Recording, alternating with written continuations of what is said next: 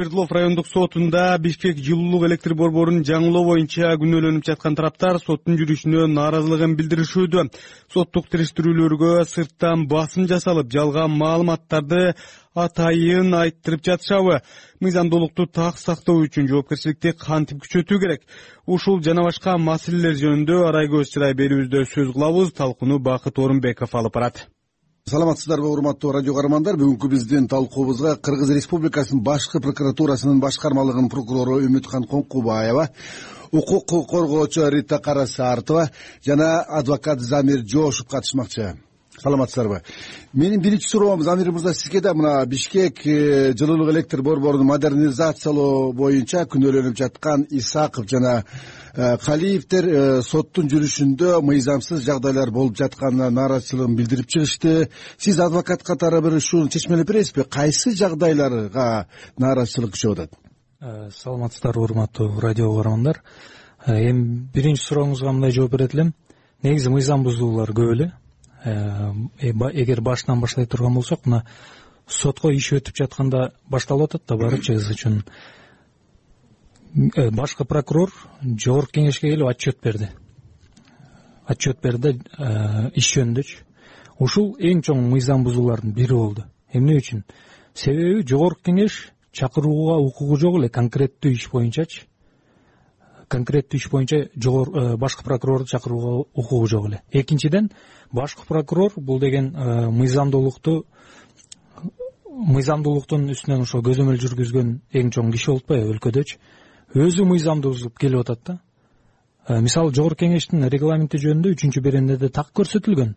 Жогорку кеңеш эч качан конкреттүү иш боюнча конкреттүү кылмыш иши же жарандык иш боюнча сотто каралып аткан иш боюнча эч качан отчет сурабаш керек ал ал киши келип болсо иштин бүт баарын айтып бул мындай күнөө жасаган бул мындай кылган деп туруп баарын кылмышкер кылып койду. Ал үчүн сот бар да сот. Замир мырза бул азыркы мына соттук процесстин жүрүшүндө кандай болуп атат мыйзамдуулук сакталганбы андан кийин сотко өттү иш. Соттук териштирүүдө бүгүнкү күндө ачып өтүп атат. Бирок элдер киргенге мүмкүнчүлүк жок болуп жатат элдер деген эми көптөгөн жарандар келип атышат ошол жерге катышайлы көрөйлү депчи. Э, алар кызыктар. Ушул күнөөсү болсо адам айыпталсын күнөөсү болбосо акталсын деген адамдар да жарандар жөнөкөй эле. Ошол жарандар э, кире албай аткан эмне имаратта шарт жокпу же болбосо себеп деген тар. Биз отурган бөлмө тар. Ал сотто андан чоң зал бар бирок аны бербей жатышат. Ошондуктан жалпыга маалымдоо каражаттарынын өкүлдөрү да батпай калып атат азыр бизде байланышта үмүткан айым саламатсызбы? Саламатсызбы угуп атам мына азыр э, адвокат замир жоошевдун пикирин уктуңуз да. Мына башкы прокуратурага карата да айтып атат. Соттун жүрүшү боюнча да бир топ мыйзам укуктук бузуулар боюнча да айтып атпайбы. Сиз мына э, мыйзамга надзор жүргүзө турган органдын өкүлү катары айтсаңыз э, сиздин пикирде кандай макулсузбу ушундай э, сындар мен толугу менен макул эмесмин анткени соттук бишкек шаарынын свердлов райондук сотунда азыркы учурда соттук процесс. Ачык айкын өтүп жатат баардык каалаган массалык маалымат каражаттары толугу менен катышышат. Ошондой эле э, азыркы соттук э, процессте аудио жана видео жазма каражаттар толугу менен колдонулуп жаткандыгы тууралуу сот билдирди.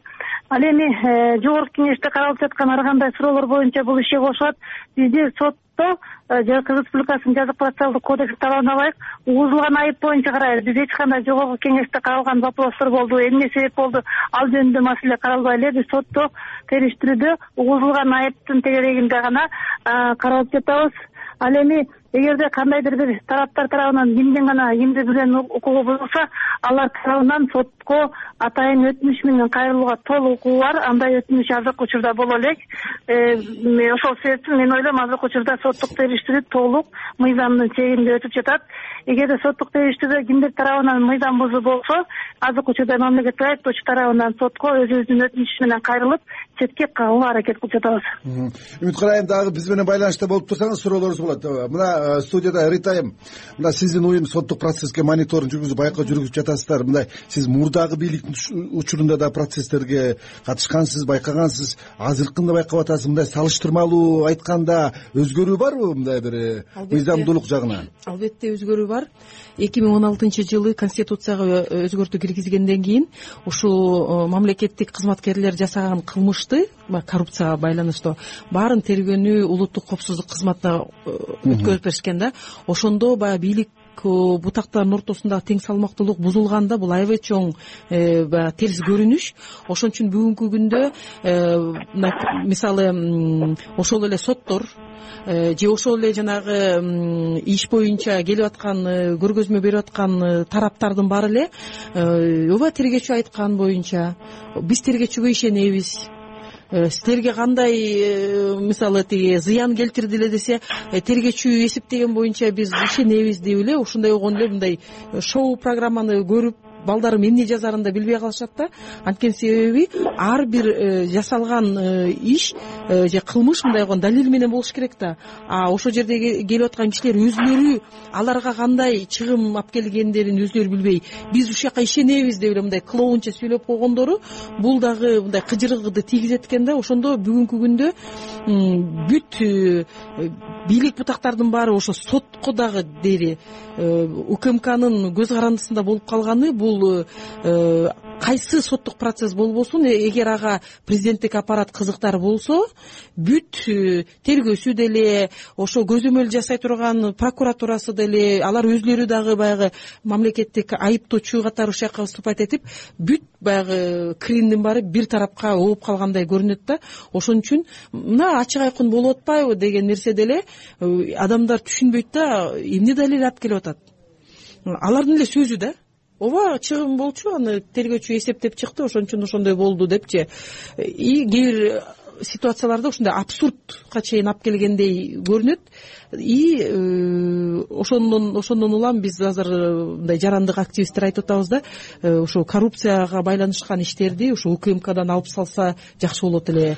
Бул орган эч качан коррупциялык иштерди тергеп да ала албайт и күрөшүүнү дагы жүргүзө албайт депчи тиги айыпталып жаткандардын айрымдары билдирип атпайбы. Ошо соттук процесстин жүрүшүндө жана күбөлөрдү сураганда же болбосо тиешелүү органдардан өкүлдөр келгенде атайын фактыларды калпайттыртырып айттырып жатат үстүнөн сырттан басым болуп жатат деп атат. Сиздин баамыңызда ушундай кырдаал барбы ошол көрүнгөн себеби ушундай болуп атат да. Мына кантип качан э, кайсы э, мезгилде эмнеге ошондой билдиңер деп баягы тактоочу суроолорду бергенде алар мындай эле э, тергөөчүгө ишенебиз деген эле жооп менен эле чыгып кетип атат да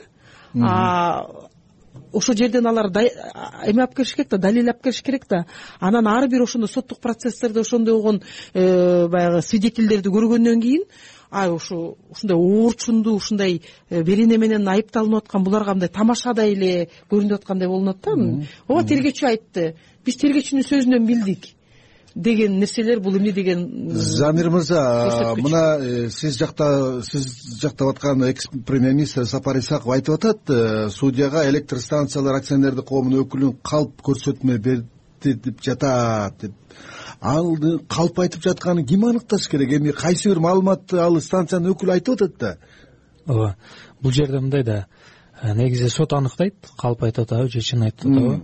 Бирок деген мен жактап аткан адам сапар жомакадырович ал ошо көрүнүктүү калп болгондуктан айтты да сот отурумундачы ал кандай калп болду? Мындай суроо берилген да конкреттүү айта турган болсок э, ошол тео технико экономикалык э, негиздеме? тэц боюнча э, кытай тарабынан ошол тибе компаниясы тарабынан дайындалганбы депчи?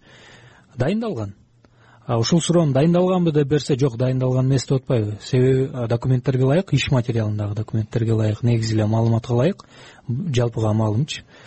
Тео деген ошол документ болгон. Болгондуктан кытайга баягы кредит алаардан мурда биздин өкмөт жиберген. Мына караңыздарчы ушундай тео даярдалыптыр тибей тарабынан силер макул болуп макулдугуңарды билдирсеңер анда деген кредит бересиздер деген. Ал жак кытай өкмөтү тео жакшы экен деп туруп макул болуп анан кредит берген. Ал жок болсо кредит бермек эмес. Мына ушуга байланыштуу калп айтып атат деп айтылды да. Э, үмүткар айым үздүгүп атасызбы угуп атам угуп атам дагы бир э, маселе боюнча мына маалыматтар чыгып атат. Мына бир эле ишти каралып жатканда айрым э, эпизоддорду бөлүп алып такыр башкача карайбыз деген э, мисалдар дагы бир мыйзамсыз деп саналып атат да кээ бир адистер тарабынан юристтер адвокаттар тарабынан. Мисалы макелек деген адамдын иши тибейдин өкүлү катарычы. Ошону өзүнчө бөлүп алганы мыйзамсыз деп атат. Муну сиз мыйзамдуу же мыйзамдуу эмес экенин эмне деп айта аласыз жазык процессуалдык кодекстин талабына ылайык. Кылмыш ишинде биз соттук соттук өндүрүштө соттук өндүрүштө кылмыш иши каралып жатканда жазык процессуалдык кодекстин талабына ылайык биз угузулган айып боюнча эле карайбыз. Ал башка айыпка эч кандай бир тийиштүү бизде мыйзам тарабынан укук берилген эмес. Макелекке карата бир эле макелек эмес башка дагы кызмат адамдарынын үстүнөн кылмыш чындыгында өзгөчө өзүнчө өндүрүшкө бөлүнгөн Э, макелек болсо бул иштин ичинде күбө катары сөгүп атат но бирок кылмыш ичинде атайын токтом турат да өзүнчө өндүрүшкө бөлүнгөн.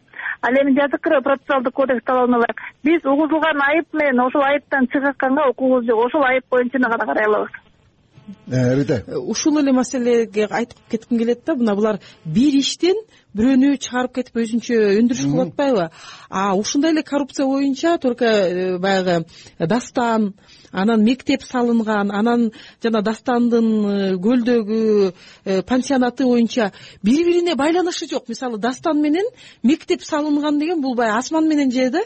А ленин райондук сотунда тескеринче э, таптакыр бири бири менен мындай байланышпаган сотторду бириктирип салганда анан бөлгүлө десе ал жерден тескеринче бөлүбөй он төрт айыпталуучу он сегиз адвокат бир суроону баягы аныктап чыкканча эле эки үч айдан бери биз байкоо жүргүзүп атабыз. Даже мындай баштаганга мүмкүнчүлүк бербей атат да. Анткени айыптоочулар өтө көп да. Ошондо маселе туулат. Эмне үчүн кээ бир жактарда мындай шоуга окшоштуруп аябай көп иштерди бир кылып төрт беш ишти бириктирип салып бири бирине тиешеси жок. Анан бир эле адвокаты келбей калса кийинкиге калып уже үч айдан бери эле жөн эле мындай мазактап келатышат да баштала элек ишчи.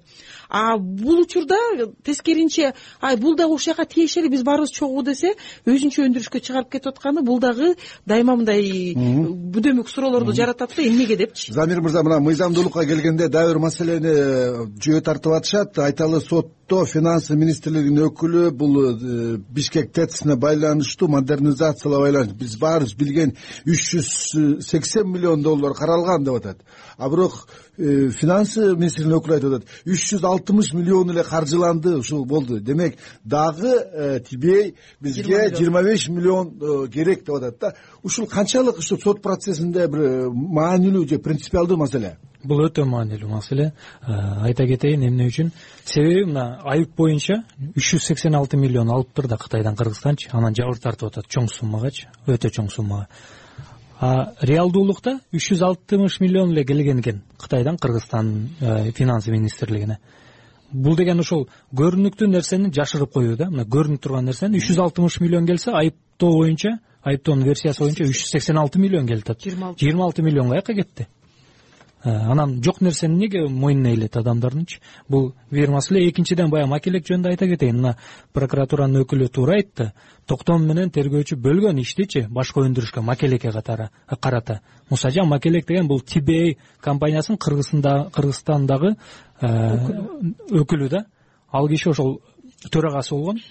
Айтылып атпайбы бул жерде коррупция боюнча сегиз киши айыпталып атат. Эгер коррупция болсо экинчи тарап болуш керек да бир жагынан мамлекет э, мамлекеттин кызматкерлери экинчи тараптан ошол тибейдин э, өкүлдөрү. э, жумушчулары да алар жок кантип коррупция болсун? Башында баары чогуу келген. Макелек мусажан дагы ошол гкнбнын сизосунда отуруп ал да айыпталып ушул иш боюнча бир келген да аягында эле ооруп калыптыр деп бөлүп салды. Мыйзам туура ооруп калса өтө мындай катуу ооруп калса анда деген ишти башка өндүрүшкө өзүнчө өндүрүшкө бөлсө болот. Бирок деген айтылып турат. Ошол эле мыйзамдачы жазык процесстик кодексте так айтылып турат. Эгерде э, ошол ишти бөлүү иштин сот тараптан объективдүү жана толук кандуу кароосуна тоскоолдук кылса анда бөлүнбөш керек депчи. Бул жерде ар бир адамга жөнөкөй эле юрист эмес адамга түшүнүктүү да макелекти бөлүп салса анда объективдүү иш каралабы? Каралбайт. Каралбайт. Ал киши бүгүнкү күндө иш бөлүнүп аткан кезде сизодо болсо бүгүнкү күндө эркиндикте жүрөт деген маалымат бар бизде. Демек биздин оюбуз боюнча ал кишини чыгарышты дагы бөлүштү дагы анан эркиндикке кое берип коюшту. Балким аны жоопкерчиликке да тартышпайт. Үмүткан айым бизди угуп атасызбы э, мына дагы бир маселеге келгенде э, мына коомчулуктун өкүлдөрү өкүлдөрү же болбосо тиги соттолуучу айыпталуучулардын өкүлдөрү баары деле нааразы болуп атат сот ачык болбой атат каалоочулардын баары кире албай атат депчи анткени мыйзамда көрсөтүлгөн талапты алар сурап атышат да бул талапты аткарууга мыйзамдуулукка келтирүүгө ошол элдин баары каалоочулардын баары кирип отурган катышканга шарт түзгөнгө прокуратуранын мындай жоопкерчилиги бар деп ойлойсузбу? Биринчиден бул э, сотко мамлекет тарабынан бөлүнүп берген атайын имараты. э, мурдагы сот биринчи процесс алдын алуу процедурасы башка залда болгон. Ал залга батпай атабыз деген бул иш боюнча бизде сегиз айыпкер жыйырма адвокат беш мамлекеттик айыптоочу анан беш жабырлануучунун мыйзамдуу өкүлү постоянно соттук териштирүүгө катышып атат да. Анан э, сот тарабынан андан да кичине чоңураак деп экинчи залын берди. Э, бул мамлекеттик айыптоочуга же прокуратура органдарына жүктөлгөн эмес да бул эме менен мамлекеттик эме здание менен камсыз кылуу жөнүндө бул соттун милдетине кирет соттун болгон эң чоң имаратынын бөлмөсү ушул деп ошол бөлмөгө өттүк болушунча максималдуу биз элдерди каалоочуларды киргизгенге сот аракет кылып атат но бирок жактоочулар тарабынан аларга дагы атайын шарт түзүп берүү жөнүндө талап коюшуп алардын баардыгынын астына бирден стол коюп бергенден кийин кичине зал кичирейип калды да ошол гана а так негизи залга болушунча канча адам батса толугу менен киргизилип атат. Эми мамлекеттин бөлүп берген имаратына биз прокуратура алга эч кандай кийлигише албайбыз. Рахмат. Ритайым ушул сөздү уланталычы мына биздин демократиянын үлгүсү деген англияда да америкада да сот залына мындай э, шектелип жаткан тараптар гана келет экен и күбөлөр гана келет экен да. И видео дагы аудио дагы сүрөткө тартмай дагы эч такыр болбойт экен бул үчүнчү эмне үчүн э, бизде э, тууган туушкандар көчөдөгүлөр каалоочулардын баары эле сотко киргиси келет да. Мүмкүн ушул процессти бир жөнгөлөй сала турган бир мыйзамды өзгөртүү зарылчылыгы барбы анткени дайыма эле ушундай нааразычылык баары каалагандар баары кире албай калдык отура албай калдык уга албай калдык көрө албай калдык деген нааразычылык болуп атпайбы анткени себеби э, ошол көзөмөлдүн аркасы менен сот кичине мындай тизгинин тартып өзүнүнчү кыйкырбай эки тарапка тең сөз берип процедуралык кандай бир маселелерди сактап учурунда манча кийбей деле э, э, жанагы жүгүртмө деп коет расписаниясын илбей деле иштешчү. Анан э кана расписанияң эмне үчүн убагында баштабай элесиң эмне үчүн тигиндей кылбай элесиң эмне үчүн сен откладывать этип койдуң? Тиги э, үч күнгө эле мындай мүмкүнчүлүгүң бар? Тиги эме деп ушундай баягы процедурдук бузуу болсо айтып чыгып анан эмеге жөнгө салынды да. Анан туугандардын баары келип алат деген чын эле бар. Баягы канчалык киши колдоочулар көп келсе анын аркасында бир мындай колдоочусу бар экен дегенчи но бирок э, камсыз кылыш керек э, мейли телевидениеден көрсөтсүн. Биз үйдө отуруп алып анда байкайбыз а чет өлкөдө андай жок анан видео сескеринче аларда видео протокол бар. Любой момент протоколдорун алып алып туруп мына момундай сөздөр айтылган деп далилдерди видеого жазып туруп ошончолук мынаны тастыктаган нерселер бар да мына биринчи инстанцияда момундай сөздү айткан. Азыр бул сөздү айтып атат бири бирине карама каршы келген деп. А бизде видео протоколду дагы өчүрүп салгыла могу камералардын баарын деп буйрутма берип атпайбы айрымдар ошол сот процессин жүрүүнө эми ызы чуу болуп кыйкырык өкүрөк болуп соттун өзүнө бир психологиялык жактан бир басым жасалып мындай бир ыңгайсыз акыбалдарды түзүп коюп атат деп атат да замир мырза? Негизи бул деген жөн эле отговорка да? Ар бир судья судья болуп келатканда ал билет ал эки жактан тең кысым алат. Эки тарап бар. Бийликтен да кысым алат прокуратурадан да кысым алат. Канча деген ал негизи сот деген бул өзү эле кысым деген маселе. А жөн эле эле келип эле мынтип эле чечим чыгарып койгон эч жерден болбойт ошон үчүн э, бизди кысымга алып атат деген бул калп эле сөз. Ушул жерден мен э, учурдан пайдаланып жогорку соттун төрайымына жана жоопкерчиликтүү адамдарга кайрылып кетет элем да. Мына айтылып атпайбы чоңураак зал берилди депчи ал чоңураак залдын квадратурасы кырк сегиз квадрат метр. Ал жерде алтымыш бештей киши отурабыз. Бул деген стандарттарга туура келбейт. Өлкөбүздөгү мыйзамдарда көрсөтүлгөн стандартка делечи биз шпрот деген консервадай отурабыз да мындай бири бирибизге тыгыз отурупчу. Бул туура эмес. Ошондуктан бул деген мен ойлойм кылымдын процесси. Эч качан биздин өлкөдө эки премьер министр соттолгон эмес.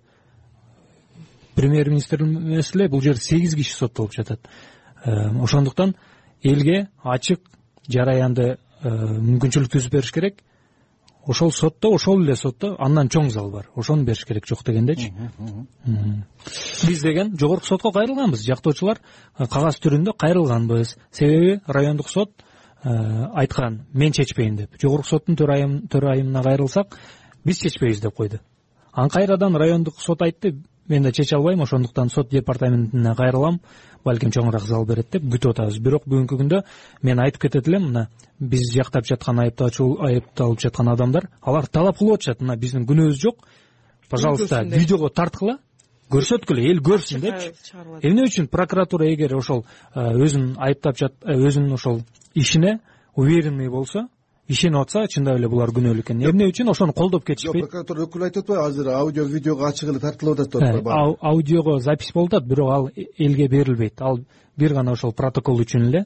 Анан кийин видеого тартылган жок. Негизи жаңы мыйзамга ылайык эки миң он тогузунчу жылы күчүнө кирген. Аудио видео болуш керек биз ошолорду ала алышыбыз керек. Бирок алар иштеген жок. Э, жогорку соттун төрайымы э, жантөре сатыбалдиев айткандай мындай деп айтып атпайбы видео аудио иштеп атат бүт баары алдыга жылып атат депчи. Ал иш жүзүндө аткарылган жок ошону белгилеп кетейин аларга өзүлөрүнө керек болгондо ал видеону алып колдонгонго мүмкүнчүлүгү бар. Бизде ушундай болду да. Тиги видеодо моминтип айткан деп туруп айыпка тартыш үчүн. Тиги тарап прокуратура э, эме а эл тарап эй момундай болбоду. Баягы күнү биздин адвокаттарыбыз сабап кетишпеди. Ошол видеонун залындагы видеону бергиле десе бир тарапка эч качан берилбейт да үмүт карайым бизди угуп атасызбы? Буяктагы айтылган сөздөргө сиздин жообуңуз кандай болот аудио видео жазма боюнча. Видео жазма аудио видео жазма толугу менен колдонулуп жатат мурунку соттук процессте төрайым тарабынан айтылды. Соттогу төрайым бул жерде толугу эмес деп атпайбы толугу эмес деп атпайбы жок видеону запрет кылып койбодубу. Жок да видеону тартып э, режим онлайн чыгарса эмне болот. камералар иштеп тартылып атат а общий видео камера менен сырттан тарткангачы башка массалык маалымат каражаттары каалоочуларга тоскоой ага. каршы болду дагы. Бирок соттун видео жазма каражаттары азыркы учурда тартылып атат. Жок эми ал тартылганы менен мен например укпай элем да. ооба. Жок эгерде ишке катышкан тараптарга кимге кандайдыр керек болсо төрайымдын атына өтүнүч менен кайрылып ошону алганга толук укугу бар.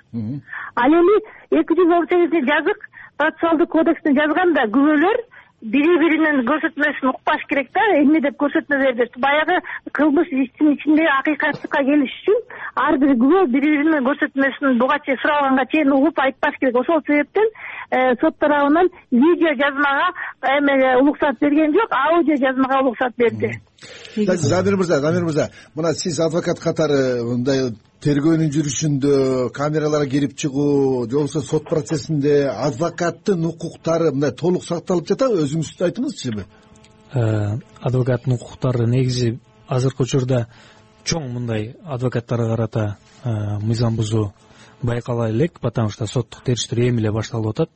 Э, бирок деген мен белгилеп кетейин дагы бир маселени мына азыркы күндө биз жактап жаткан адамдар тергөө изоляторунда отурат.